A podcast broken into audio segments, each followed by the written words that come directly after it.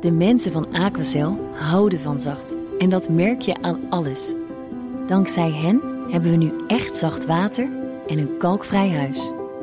Voor hun klanten zijn ze zacht. Dat zijn ze trouwens ook voor elkaar. Voor ons zijn zij de kracht van zacht. Aquacel. 100% zacht water, 100% kalkvrij. Luister ook eens naar deze podcast. Wereldveroveraars. Dat kan via de BNR-app. Met live radio en breaking news. Download hem nu. En blijf scherp. BNR Nieuwsradio. The Big Five. Diana Matroos. De oorlog tussen Hamas en Israël is vooralsnog niet uitgemond in een grootschalig grondoffensief. Maar het doel van Israël is duidelijk: Hamas moet vernietigd worden. Welk gevaar dreigt? Is er nog een diplomatieke uitweg te vinden? En om dat goed te kunnen duiden, welke historische belangen spelen er nou mee? Dat en al het andere actuele nieuws rond dit conflict spreek, bespreek ik deze week met vijf kopstukken in BNR's Big Five van Israël en de Palestijnse gebieden.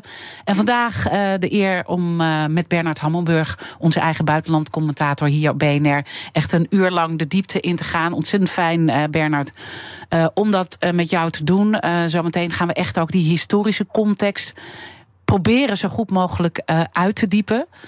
Um, want daarmee ja, worden we ook een stuk wijzer over wat er nu uh, gebeurt. Maar voordat we dat gaan uh, doen, uh, misschien toch even um, refereren naar de beeldvorming en de narratieven die je allemaal ziet in deze oorlog. En die kantelen ook continu. En ik ben heel erg benieuwd, kantelen we te snel uh, met het narratief dat we nu heel erg bezig zijn met het lot van de Gazanen. Als je teruggaat naar 7 oktober, waar die gruwelijke gruwelijke gebeurtenissen hebben plaatsgevonden. Ja, nou vooropgesteld dat het terecht is dat we bezorgd zijn over het lot van de Gazanen. Ieder normaal mens vindt het vreselijk om te zien dat er zoveel burgerslachtoffers uh, vallen.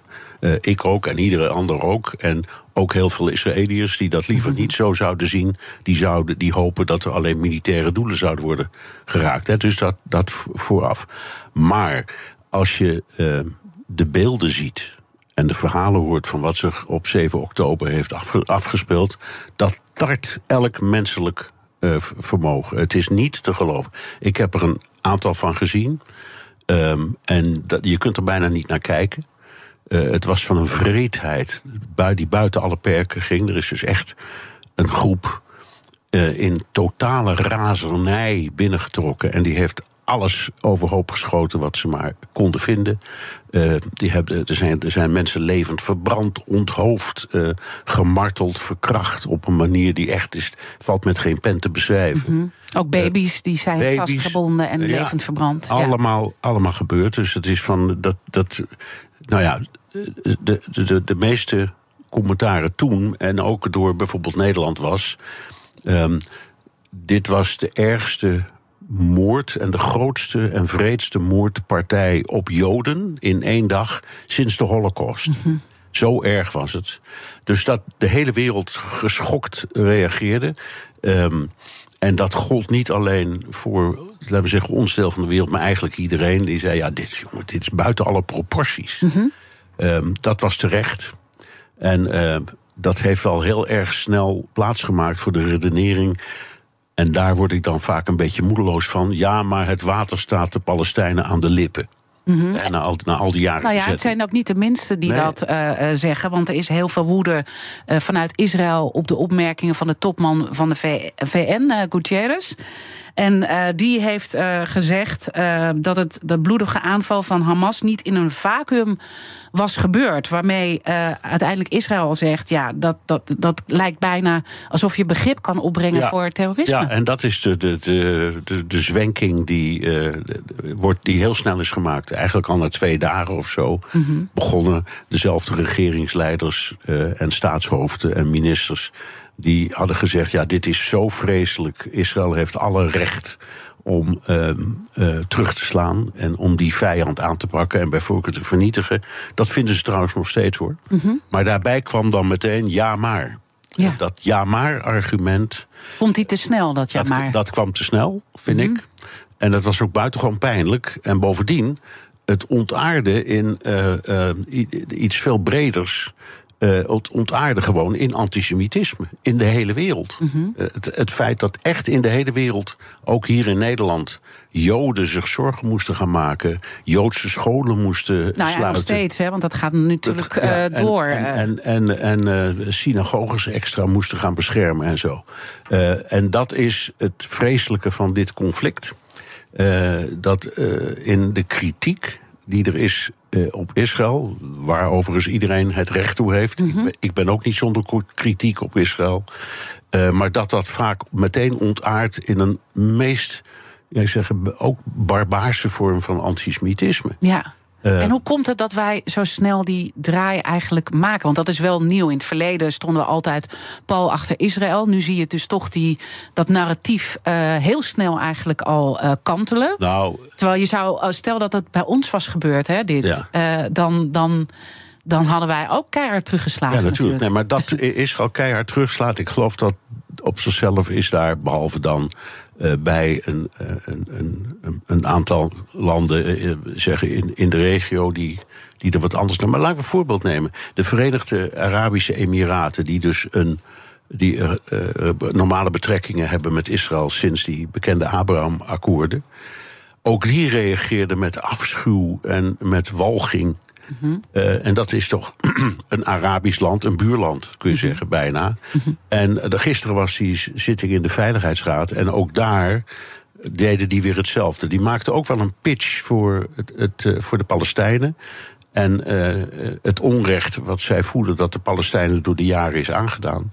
Maar je moet een goed onderscheid maken, vind ik, tussen het een en het ander. Er zijn vaak oorlogjes geweest al tussen Gaza en Israël. Um, ik weet niet meer, ik vergeet de jaartallen altijd, maar ik geloof de vorige heeft iets van 51 dagen geduurd. Mm -hmm. uh, maar dat stond in geen enkele verhouding tot wat, wat we nu zien.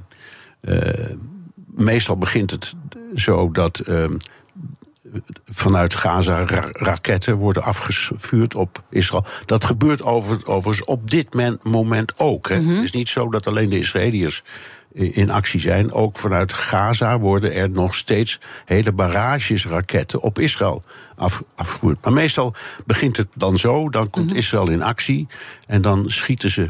Uh, dan kijken ze waar die uh, raketten vandaan komen. Uh, en op die plekken bombarderen ze dan. Maar ja, die, die staan dan op een schoolplein of naast -hmm. een ziekenhuis of naast de openbare bibliotheek of, gaan ze, of naast een moskee of gaan ze maar door. Uh, en dus raak je dan ook altijd burgers. En dan komt elke keer weer die discussie over wat ze dan noemen proportionaliteit. Ja.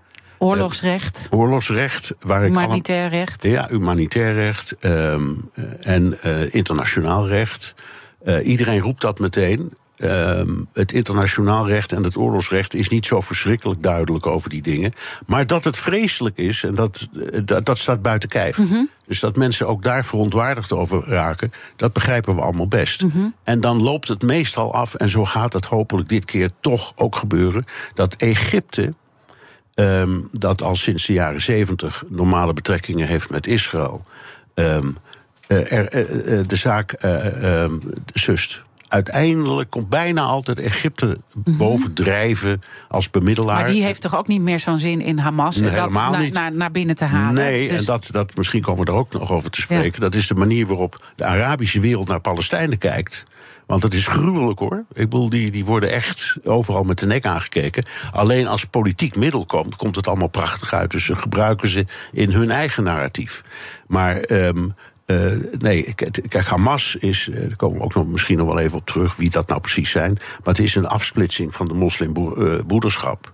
Uh, het is een Egyptische beweging waar Sisi, de president van Egypte, Egypte mm -hmm. een onvoorstelbare hekel aan heeft. Dat vindt hij een stelletje ja. terroristen.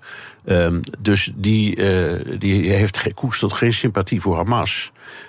Maar de onrust, zoals zich daarvoor doet, dat irriteert hem wel en dat wil hij uh, uh, nou ja, bestrijden. En daar is hij heel goed in. De Big Five. Diana Matroos. Mijn gast vandaag is onze eigen buitenlandcommentator hier op BNR, Bernard Hammelburg.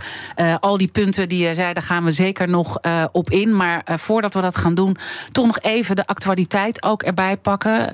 daar gaan we niet heel lang op door, want we willen ook echt een beetje de diepte in. Maar als jij kijkt naar de huidige bewegingen, Uh, zie je dan echt nog serieus dat uh, grootschalig grondoffensief uh, komen? Het leek alsof uh, Netanyahu daar gisteren toch wel een beetje op hinten dat hij dat toch gaat doorzetten, ondanks de adviezen van Biden om dat niet te doen. Ja, nou je kunt zeggen dat de hele wereld daartegen is. Ja. Van links naar rechts. Uh, de Russen zijn er tegen, de Chinezen zijn er tegen, de Amerikanen zijn er tegen, Europa is er tegen. Iedereen vindt dat ze dat beter niet kunnen doen, omdat het in de ogen van uh, de meeste landen het alleen maar erger maakt. De vraag is of het niet al is begonnen.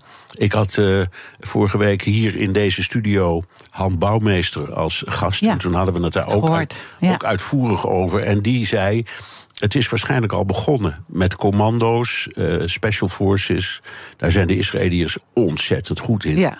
En die zoeken dan uh, naar, naar misschien plekken of aanwijzingen waar die gijzelaars kunnen zitten. Want dat is natuurlijk het grootste probleem. Uh, en ook een, een, een, probleem waarin dit verschilt van vorige episodes. Um, maar ook om te kijken waar precies de raketinstallaties zitten. Waar misschien Hamas soldaten zitten. Want je kunt ze niet zomaar herkennen. Ze hebben geen Mhm. t-shirt aan waarop de rug en op de buik Hamas staat. Ja, Dus dat ja. weet je niet. En is de inzet van Israël dan toch ook om de Gazanen te beschermen? Of is het Nou, van ja. er, is, er is geen twijfel aan. En uh, dat, dat is ook wel eens pijnlijk als je dat hoort. Het lijkt soms wel eens, als je bepaalde media volgt of ziet, dat Israël er genoeg in schept om lukraak mensen aan flarden te schieten Mhm. in Gaza. En dat is gewoon niet waar. Dat wil niemand, dat willen de Israëliërs ook niet. Um, dus het, het, het, werk van die commando's en die special forces is juist om dat te minimaliseren. Mm -hmm. Maar ook als die hun werk goed doen en ze vinden wat ze zoeken, laat dat, laten we daar eens van uitgaan. Hè? Mm -hmm. Dan nog wordt het een bloedbad uiteindelijk. Het is niet anders. Ja. Hoe erg het ook is, het, het, het eindigt altijd in een bloedbad en een bemiddeling. En dan, Ja. dan, dan houdt het weer even En is het verstandig uh, als Netanyahu met zijn oorlogskabinet dit toch doorzet, uh, als je het relateert aan wat er is gebeurd op 7 oktober? Uh, is het dan te begrijpen en is het verstandig? Nou, de, ja, het, dat weet ik niet precies. Mhm. Maar het doel van die regering, van dat oorlogskabinet, is het uitschakelen van Hamas. Ze hadden het over het vernietigen van Hamas. Dat vond ik geen handige uitdrukking. Um, maar het uitschakelen van de vijand Hamas, dat is begrijpelijk. Um, en daar in, in, in dat doel, of die doelstelling, passen al deze opmerkingen. Doen we dat nou met een enorme invasie? Uh, doen we dat met special forces? Doen we dat vanuit de lucht? Doen we dat, en die discussie leeft ongetwijfeld in de krijgsmacht en onder die uh, drie ministers in dat oorlogskabinet ook. Mhm. Mm -hmm. um, maar het is, je moet het allemaal zien tegen de achtergrond van de, de eis die, die ze aan zichzelf hebben gesteld. We ruimen, nu moeten we in één keer. We moeten dat Hamas opruimen. Ja. Ook als we ooit verder willen. Als we ooit willen onderhandelen. Als er ooit wordt, wordt gedacht aan, een, aan vrede. Ja. Dat Hamas moet weg. En, en daar, laten we staan, dan... daar staan ze niet alleen in. Hè? Nee, dat, dat, nee. dat vindt eigenlijk de hele wereld. Ja, laten we vanuit uh, dat gegeven toch echt even de historie induiken. Om dan straks weer aan het eind van de uitzending te kijken waar contouren liggen. Uh, voor een oplossing. En dan moeten we denk ik ook nog even Iran benoemen. Want daar hebben we het ook vrij weinig nog over. Terwijl die natuurlijk ook Hamas uh, heeft, uh, nou, mogelijk heeft gesteund hier achter de schermen. Um, maar eerst die historische context, die zeer complex is. Hoeveel mensen begrijpen die context goed, denk jij? Nou, dat zijn er toch best een hoop hoor. De, je moet ook, ik zeg, je moet net als van jou en mij, je moet de kennis van mensen nooit onderschatten, maar mm -hmm. ook niet overschatten. Het zijn, zijn best wat mensen die begrijpen hoe dat is gebeurd. Alleen de precieze feiten, die kennen ze niet. Nee. En, en, en is ook dit, ontzettend dit, complex. Want ik merk, ik, ik, ik zit me daar. En natuurlijk, natuurlijk heb ik er al heel veel over gelezen in het verleden. Maar nu veel intensiever mee bezig. En dan denk je: oké, okay, ik begin het door te krijgen. De, de, maar het is zo complex. Het is heel moeilijk ook om vast te pakken. Ja. Um, wat, wat in, in jouw ogen, wat moeten we echt begrijpen van die historische context? Nou, er zijn, zijn twee onderdelen. In de eerste plaats zou je kunnen zeggen het ontstaan van mm -hmm. Israël. Want op het moment dat dat gebeurde in 1947 en 48 ontstonden ook de moderne grenzen van Syrië, uh, Libanon, Jordanië. Eigenlijk zijn die landen allemaal op hetzelfde moment in hun moderne vorm ontstaan. Mm -hmm. Dat, dat weten de meeste mensen niet. En de achtergrond daarvan is ook niet onbelangrijk. En het andere deel van wat vind ik mensen beter moeten begrijpen, is wat er is gebeurd in die Zesdaagse Oorlog en in de nasleep daarvan. Toen het bezettingsprobleem is ontstaan. Ja, want dat was daarvoor nog niet. Ja, in 1956 heeft ze dat ook een keer voor Ja. gedaan. Maar die slaan we voor het gemak even over. hè. Dat was de Suez-crisis. Ehm, maar je moet dus eigenlijk eerst kijken naar de ontstaansgeschiedenis. En dat heeft alles te maken met het Ottomaanse Rijk. Dat, dat, speelde tijdens de Eerste Wereldoorlog. Ehm, en dat was een, een, een conflict dat nog steeds niemand kan uitleggen. Hè. Dat is de ingewikkeldste oorlog, denk ik, uit de geschiedenis. Niemand begrijpt wat daar nou precies is gebeurd, maar het was een ramp. En in, in die periode is ook een einde gekomen aan het Ottomaanse Rijk. En het hele Midden-Oosten maakte, net als een deel van Europa, deel uit van het Ottomaanse Rijk. En toen dat in, ineenstortte, toen, eh, toen heeft eh, de internationale wereld gezegd: we moeten zorgen dat er een beetje orde op zaken komt. En het- zo zijn er ehm, eh, mandaatsgebieden ontstaan. ehm, Maar voordat je dat uitlegt, Ja. hè, die mandaatsgebieden.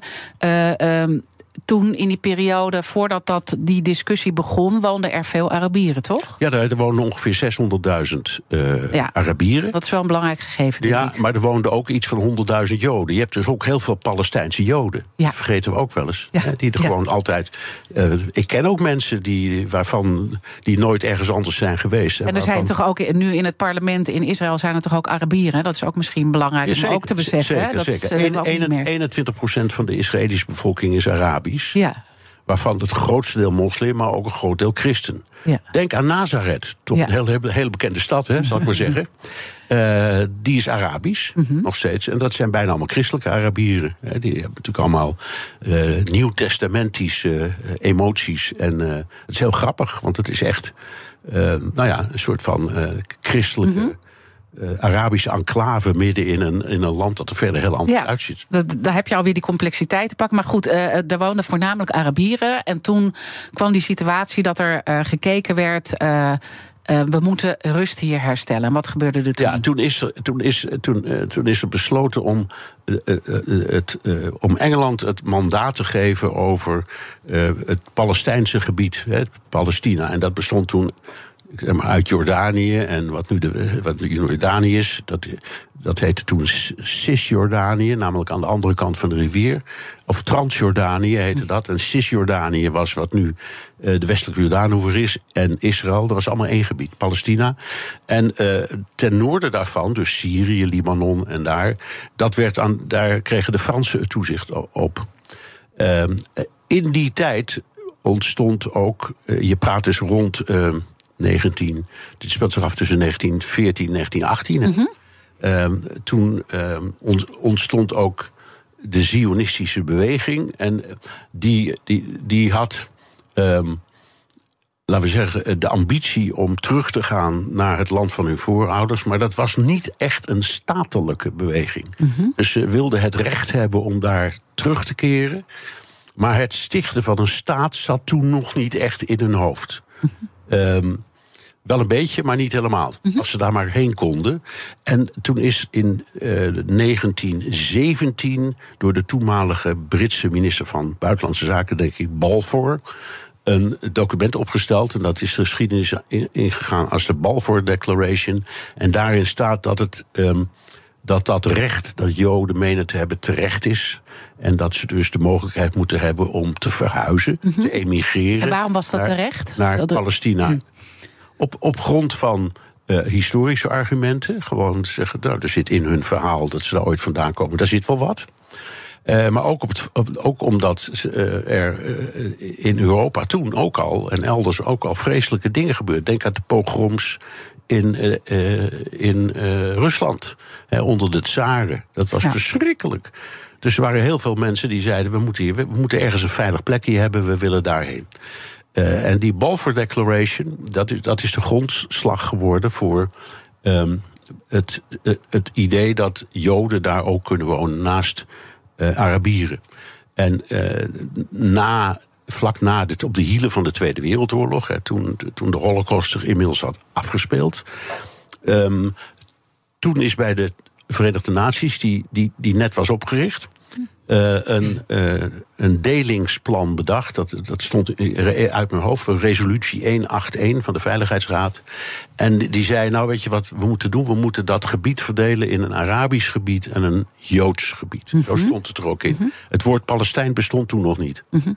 um, dus, uh, en dat is gebeurd. Dat ja. is aangenomen, dat delingsplan. Um, en dat is aanvaard dus door de VN, maar niet door de, de Arabische buurlanden. Die zijn toen een oorlog begonnen. Om, en misschien nog goed om te schetsen dat Jeruzalem stond daar weer buiten. Hè? Jeruzalem zat niet in het Joodse deel. Ja, nee, want dat kwam onder internationaal bestuur te staan. Ja, precies. Uh, en, en dat, dat stukje gebied uit het verdelingsplan was veel minder dan het huidige Israël.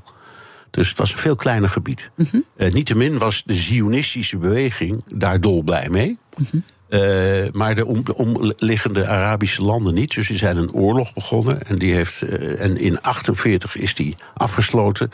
Uh, met een staakt het vuren, kun je zeggen. Of met een wapenstilstand.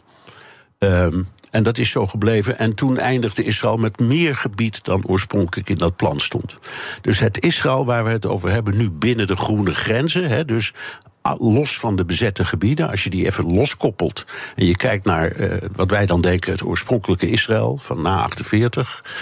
Uh, dat was groter dan wat ze oorspronkelijk was toegewezen.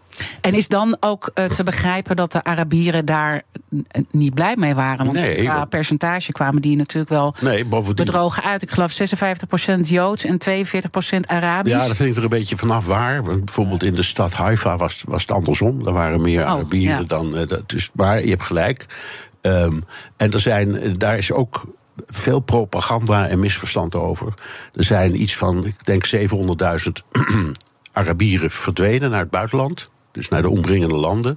Dat zijn, later, dat zijn, dat zijn ze Palestijnen gaan noemen. Die kwamen terecht in kampen waar ze tot de huidige dag vaak in zitten. Hè. Dat is ook iets vreselijks. Um, maar en, en dan heb je twee narratieven. Eén is, ja, ze, ze, ze, ze waren bang en zijn gevlucht. En het andere, en ik geloof dat het allebei waar is, is dat de Israëliërs, zijn, of de, de, de, de Joodse bevolking toen, is ook behoorlijk vreed geweest en heeft er ook een stel gewoon uitgedonderd. Ja. He, dus dat is gewoon waar. Laten we daar zo meteen uh, over ja. verder praten. En dan komen we ook bij dat tweede belangrijke deel ja. straks uit, de nederzettingen. Uh, maar we moeten er even uit. Het is super spannend uh, en, en heel interessant, die historie. Bernard Hammelburg, blijf luisteren. De mensen van Aquacel houden van zacht. En dat merk je aan alles. Dankzij hen hebben we nu echt zacht water en een kalkvrij huis. Voor hun klanten zijn ze zacht. Dat zijn ze trouwens ook voor elkaar. Voor ons zijn zij de kracht van zacht. Aquacel. 100% zacht water, 100% kalkvrij.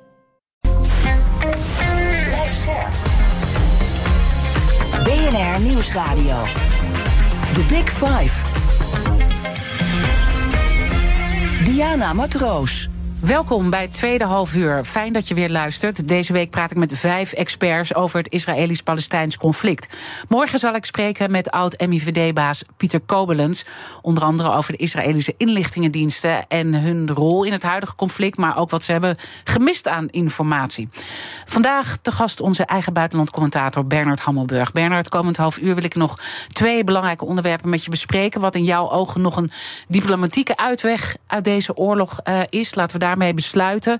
Maar toch even nu uh, afmaken waar we mee begonnen waren. Een poging om de historische context, die natuurlijk heel veel jaren teruggaat. We begonnen eigenlijk met het, het Britse verhaal, het Britse mandaat. Uh, zoveel. Nou, uh, eigenlijk, eigenlijk begon het met de sultan. Ja, ja het Ottomaanse Rijk. Het Ottomaanse Rijk, ja. Zo, zo ver terug zijn we. Ja. Uh, dus we moeten af en toe een beetje grote stappen nemen. Maar we doen ons best om het zo goed mogelijk te coveren.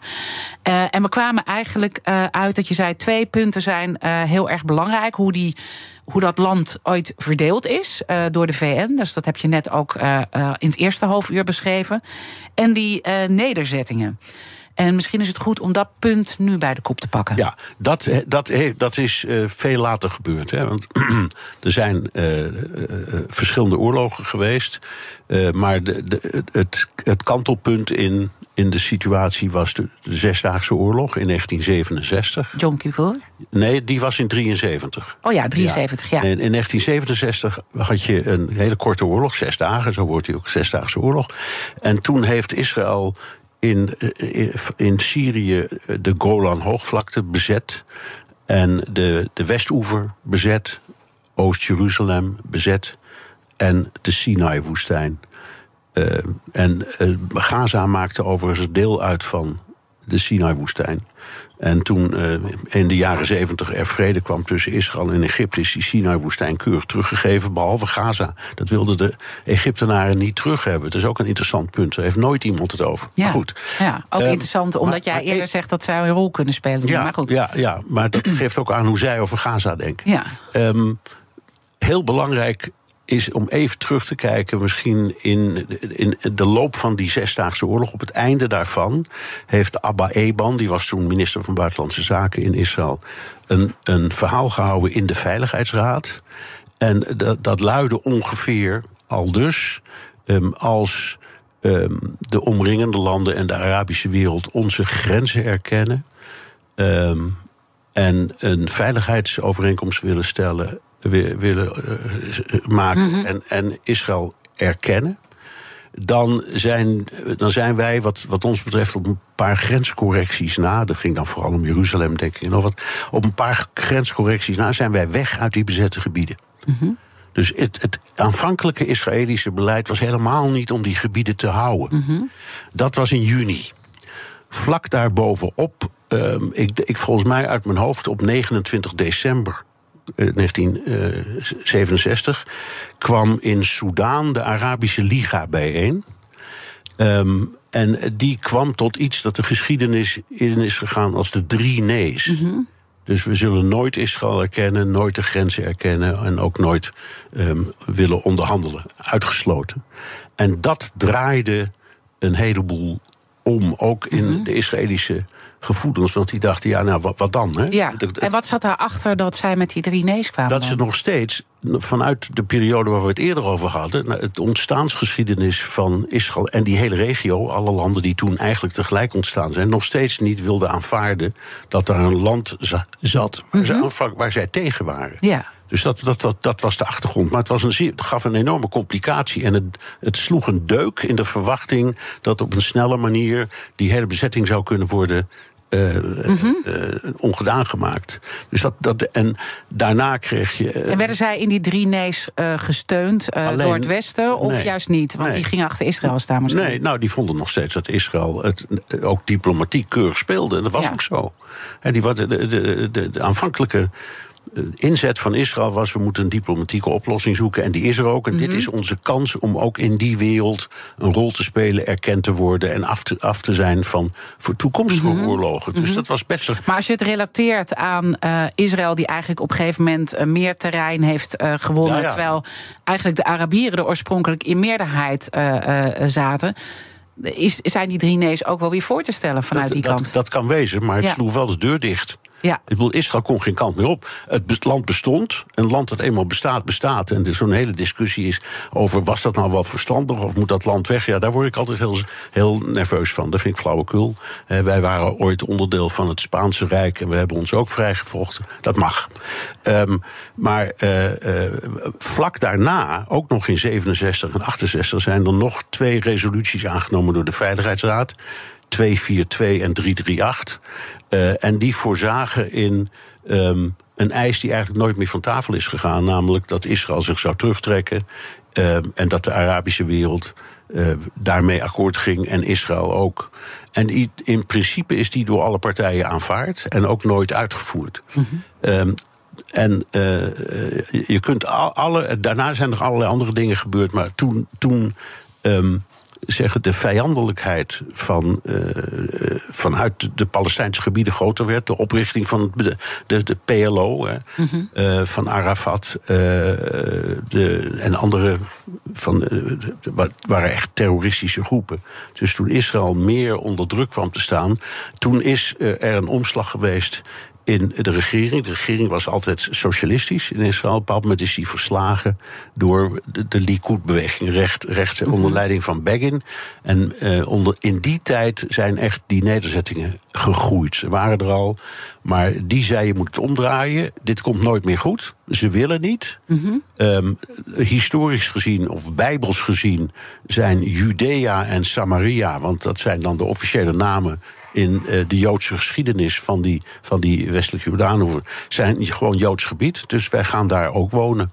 En zo zijn die nederzettingen ontstaan. Dus je daar... ziet ook eigenlijk op een gegeven moment gaat uh, ook religie een, uh, een rol spelen? Ja, Zeker, uh, hè? Dat is natuurlijk, uh, want daar hebben we het ook eigenlijk vrij weinig over. Maar dat is natuurlijk wel heel belangrijk. En de Tweede Wereldoorlog is, speelt ook een belangrijke ook, rol. Speelt ook een belangrijke dus er komen heel veel dingen bij elkaar. Ja, die ja. vanuit meerdere perspectieven ook goed te begrijpen zijn. Zeker. En uh, je praat over religie.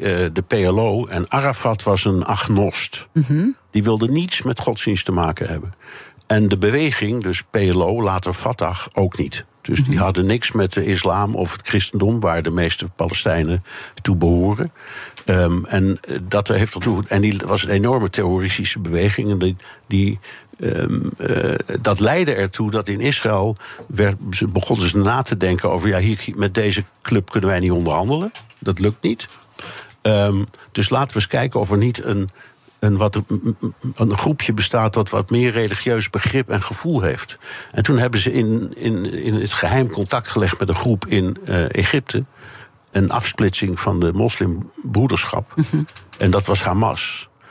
Uh, dat heette toen nog anders. Maar Israël heeft dus Hamas als, bij wijze van spreken zelf naar voren gehaald. In de hoop dat dat, als, omdat het een organisatie was die wel een religieuze mm -hmm. basis had, dat ze daar beter mee konden onderhandelen. Ja.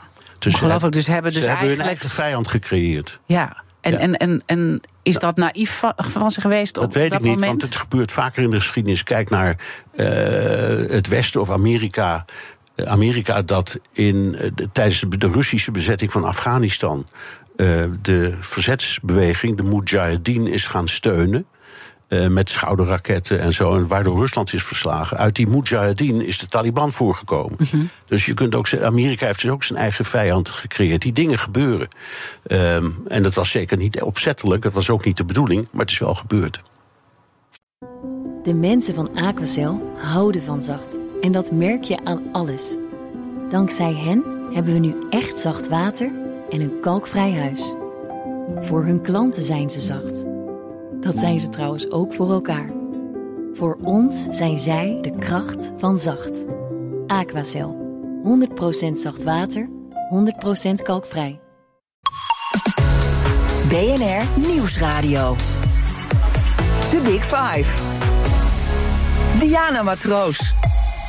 Je luistert naar BNR's Big Five van Israël en de Palestijnse gebieden. Eerder deze week sprak ik onder andere met voormalig NAVO-baas... en voormalig minister van Buitenlandse Zaken Jaap de Hoop Scheffer, minister van Staat. En hij gelooft nog altijd in een twee-staten-oplossing. Uh, waarom? Luister het vooral terug via bnr.nl en de bekende podcastkanalen. Mijn gast vandaag is buitenlandcommentator uh, Bernard Hammelburg. Uh, als je kijkt naar de diplomatieke weg, maar ook de akkoorden die zijn gesloten... wat, wat, wat geeft dan het meeste hoop uit de akkoorden uit het verleden als je dat op het heden zou toepassen? Nou ja, het, het, thema waar Jaap het ook over, Jaap de Scheffer het ook over. En iedereen, hè, iedereen ook, ook, ook, bij de VN, iedereen die iets zegt, ook de Nederlandse regering, ook Rutte, ook Bruin Slot, die gisteren in de Veiligheidsraad zat, allemaal hetzelfde. We zijn allemaal voor een twee-staten-oplossing. Dat is een beetje een kreet geworden, want wat is dat dan precies, die twee-staten-oplossing? Mm -hmm. Dat betekent een onafhankelijk Palestina, um, het herstel van de grenzen van 1967. Nou, dat zal nooit helemaal gebeuren, maar dat is dan streven. En Gaza, dat is één geheel, één pakket. Mm -hmm. uh, maar Gaza en, en uh, de, de Westoever zijn in staat van oorlog met elkaar. Dus er zit een diepe haat tussen Hamas en Fatah. Um, en uh, ja, dus met, dat is de vraag die ik steeds stel. Als Israël dan al in die twee-staten-oplossing zou moeten gaan, met wie moeten ze dan onderhandelen? Ja. En dat moet eerst opgelost voordat dat kan. Ja. Dus het is praktisch een ontzettend ingewikkeld ding. Mm -hmm. Maar het is wel een terecht streven. Mm -hmm. Want als dat zou gebeuren, zou het probleem opgelost zijn. Ja. Maar toch uh, even terug naar, naar wat akkoorden die er zijn ja. geweest. Bijvoorbeeld, uh, je noemde net al de PLO. En de, nou, dan kom je ook uit bij de Oslo-akkoorden met Rabin. Je hebt een hele zwik gehad. Nou, ja. Ja, die resoluties die ik net noemde, 242, 338. Daarna heb je nog allerlei bijeenkomsten gehad. De Y plantation overeenkomsten onder Bush 2, uh, de Oslo-akkoorden onder, onder Clinton. En die waren er eigenlijk het meest interessant. En die zijn helaas verlaten of wordt niet meer naar geleefd. Maar die voorzagen in het geleidelijk overdragen van de macht in de westelijke Jordaanhoever aan uh, Fatah. Uh, en toen is dat hele gebied verdeeld in, in, in gezamenlijk overleg in gebieden A, B, C, D. Mm -hmm. Echt letterlijk, in, in, met lettertjes erbij. Mm -hmm. En dan waren dan gebieden waar de Israëliërs het nog helemaal voor het zeggen hadden. En gebieden waar ze samen over bestuurden. En ook gebieden waar de Palestijnen helemaal zelf over uh, besturen. Uh, om, om allerlei politieke redenen mocht het woord ja. Palestina nog niet worden gebruikt. Mm -hmm. Officieel mag dat nog steeds niet. Uh, en dus kwam dat idiote begrip de Palestijnse autoriteit. Zo heet dat nu. Hè? Mm -hmm. De Palestijnse autoriteit met, een, met de langst zittende demissionaire politicus ter wereld. Ja. Dat is uh, Abbas. Ja, president. waar onze demissionair premier Rutte ja, natuurlijk ook uh, langs blijven we allemaal, maar het is ook een complicatie. Blijven we allemaal heel netjes met Mr. President aanspreken. Maar hij is al 13 jaar uh, te lang president. Ja. En waarom doen we dat? Omdat als daar verkiezingen komen, wat eigenlijk het plan is, je een vette kans hebt dat Hamas ook daar wint. Ja. Dus de hele westerse wereld speelt ook een soort rollenspel mee om Abbas te blijven oppoetsen. Te, te hopen dat ja. die. Hij heeft wel normale betrekkingen met Israël. Dus daar wordt ook goed overlegd, normaal. Tussen, zeker tussen de geheime diensten. Dus ze hopen dat daaruit dan iets ontstaat van het, de verwezenlijking ja. van die Oslo-akkoorden. Maar eigenlijk is dat allemaal misgegaan. Dat heeft te maken ook met de, de kolonisatie politiek van uh, uh, Netanyahu. Mm -hmm. uh, dat heeft echt de zaak behoorlijk moeilijker gemaakt. En dus de woede van de Palestijnen vergroot. Allemaal begrijpelijk. Ja, allemaal begrijpelijk. En als je kijkt naar die Oslo-akkoorden, Rabin, toen de premier van Israël, die heeft en daar Arafat, ook, ja. hè, die heeft daar ook de, de Nobelprijs voor gekregen. En kort daarna is hij vermoord ja. door een Joodse extremist. Zeker. Um, omdat die ook weer dat akkoord niet accepteerde. Hè? Dus je, je had nee. eerder die drie nee's van die Arabieren. En, en dit was dan. Uh, Zeker. Nou ja, die Nobelprijs is verdeeld tussen Peres. De, to de toenmalige ja. president, dat was een, een, een nou ja, een, een, uh, alleen maar een dat is alleen maar een symbolische functionaris. En de premier, dat was dus uh, Rabin. En Arafat. Die ja. hebben dus gezamenlijk een Nobelprijs gekregen voor de, voor de vrede. Wat, ja. wat een beetje koddig is, maar goed. Um, het is wel gebeurd. Uh, en dat was inderdaad het was een tijd van hoop. Het was een beetje wat wij hadden na afloop van de Koude Oorlog. Mhm. Mm -hmm. Zou het nou toch goed komen met de wereld? Die sfeer leefde daar toen ook. Ja, en Op, het feit dat hij werd vermoord, heeft ja, dat, dat, dat, dat, dat gevoel helemaal onderuit gehaald? Totaal onderuit gehaald. En dat is, een, vind ik, een van de meest gruwelijke momenten in, in dit hele verhaal. Uh, dat Rabin, die, die, die, die symboliseerde alles wat er speelde. Mhm. Mm -hmm. Die was eerst zeer anti-Palestijns. Die wilde niets te maken hebben met de PLO en met Arafat. En die vond die bez, de bezettingspolitiek en de, de, de mm -hmm. nederzettingen eigenlijk prachtig. En die is bijgedraaid. Die is gewoon, wat heel knap ja. is het bij een politicus. Daar zit hoop in ik, eigenlijk. Ik heb, er, ik heb er nog eens over nagedacht en jullie hebben eigenlijk een punt. Dat ja. was zijn uitgangspunt. Heel bijzonder, zeker voor iemand, dat was generaal, iemand met een militaire achtergrond die die stap maakte. En echt precies op het goede pad zat. En ook de toon had gevonden om dat te doen. En werd vermoord. Vreselijk verhaal. Laten we van daaruit toch proberen een aanzetting tot een oplossing uh, uh, te zoeken. En daar wil ik graag ook uh, de kettingvraag voor gebruiken van mijn vorige gast, journalist en voormalig correspondent in Israël, Ines Polak. Maar ze schrijft nu nog heel veel over dit verhaal. En ze heeft 40 jaar verslag over gedaan voor trouw. En Ines had deze vraag voor jou. Bernard is natuurlijk ook Amerika-kenner. Ziet hij nog een mogelijkheid dat de Amerikanen zich met het conflict gaan bemoeien. Niet in de zin van dat ze proberen Netanyahu iets af te remmen. Eh, maar dat ze. Ja, de, situatie in Amerika is natuurlijk heel moeilijk. Er is een soort, soort uh, algehele sfeer van naar binnen gekeerd. En ineens moest Biden zich. Er was een soort exit uit, uit het Midden-Oosten. En ineens moest Biden zich er weer mee gaan bemoeien. Is hij in staat, heeft hij de ruimte, ook qua binnenlandse politiek, om te proberen toch weer die koppen bij elkaar te krijgen en te proberen te komen tot een, een, tot een vergelijk, of althans het begin van een vergelijk? Ja, steen goede vraag. Um, in de eerste plaats, uh, de bemoeienis van Amerika was vroeger heel gering. Is eigenlijk pas sinds 1967 omgekeerd. Daarvoor was Amerika helemaal niet zo dik met Israël. Mm -hmm. en, en, je had ook geen Amerikaanse wapens tot die tijd. Het is allemaal daarna veranderd. En daarna hebben de Amerikanen de ene na de andere president zich druk gemaakt om uh, verdragen, om vrede het is, Carter heeft het, het verdrag uitonderhandeld met Egypte, de vrede. Clinton heeft het verdrag uitonderhandeld met Jordanië. Dus Amerikanen hebben zich inderdaad enorm ingespannen. En dat is een beetje ingezakt om allerlei redenen. Ehm, je kunt zeggen, ehm, ze hebben geen eigen belang meer. Want Amerika koopt bijna geen olie meer in het mhm. Midden-Oosten. Toen wel. Mhm.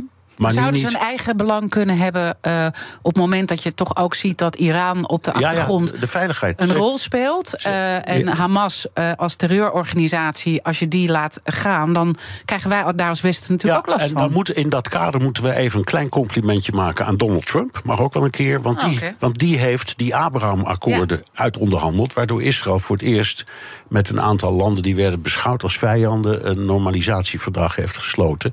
En we waren hard op weg naar een dergelijk verdrag met Saoedi-Arabië. En daarom is het nu ook ontvlamd. En dat is nu ontvlamd. En, daar, en daarom zeggen heel veel mensen, daar moet Iran achter zitten. Want Iran wil helemaal niet dat uh, Saudi-Arabië en Israël ook vrede sluiten. Mm en uh, dat is nu ook voorlopig van de baan. Ehm, en er zijn heel veel mensen, het zou best kunnen, die zeggen: ja, daar zat Iran allemaal. Er moet Iran achter hebben gezeten. En dat is dan een belang voor de VS om wel uh, ja, ja, dit te pakken. Ja, want Saudi-Arabië is aardsvijand van, van uh, Iran. Dus die doen er alles aan om Iran te dwarsbomen. Amerika doet er alles aan om, om Saudi-Arabië juist een rol te geven in, uh, in, in de regio.